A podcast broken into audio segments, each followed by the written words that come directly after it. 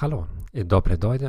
Ова е сетма епизода на подкастот Психологија и странски јазици. Јас се викам Геат Обанд, јас сум психолог, автор на книги и наставник по германски јазик. Јас не сум експерт по македонски јазик. Го разбиравте ова веќе секако. Ве молам, бидете терпеливи со мене. Но, ветувам дека ќе се подобрам со секоја нова епизода. Ако не оттамна го откривте овај објави, најпрво проверете ги најновите епизоди. Квалитетот ќе биде многу подобар отколку во првите.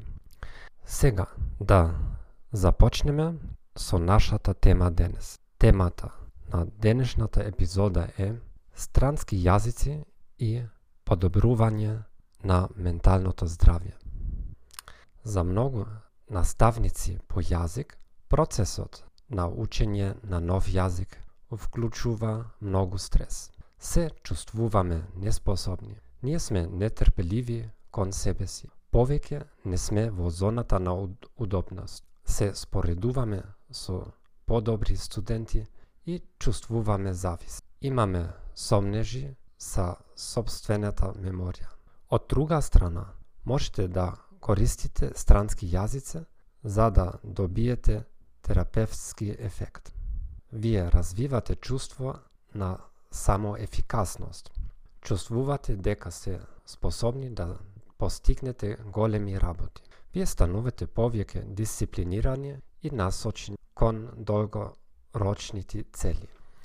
Вие станувате поспособни да бидете нагласени со другите луѓе станете поспособни да ги разберете гредиштата на другите луѓе. Може да напишете личен дневник, журнал, каде ќе ги искажете сите своји емоции и тајни на јазик што го учите. Никој не треба да има пристап до тоа, се разбира.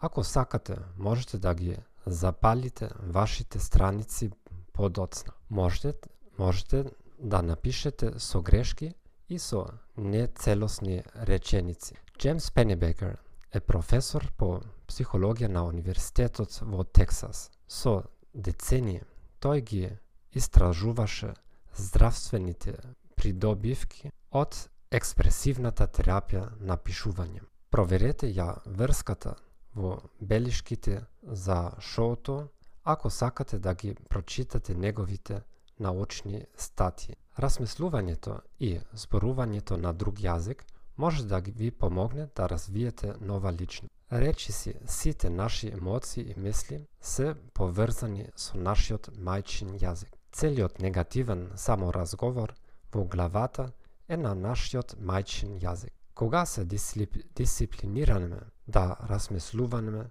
на друг јазик, имаме слобода да размислуваме за нови сите негативни пораки од нашите учители или родители се на нашиот мајчин јазик. Кога ќе се предфрлиме на друг јазик, тие негативни мисли ќе имаат потешко време да се остварат. Зборовите на странски јазик немаат никаква емоционална врска со нашето детство и адолесценција. Затоа можеме да си дозволиме да се изразиме поинаку, со зборови што ги би, што би ги сметале за глупо на својот мајчин јазик.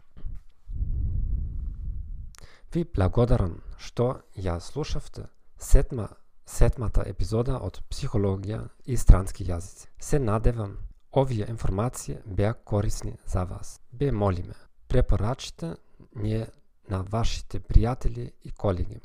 Како што ветив порано, јазично дел значително се подобрува во текот на следните недели. Сите најдобри и бај-бај.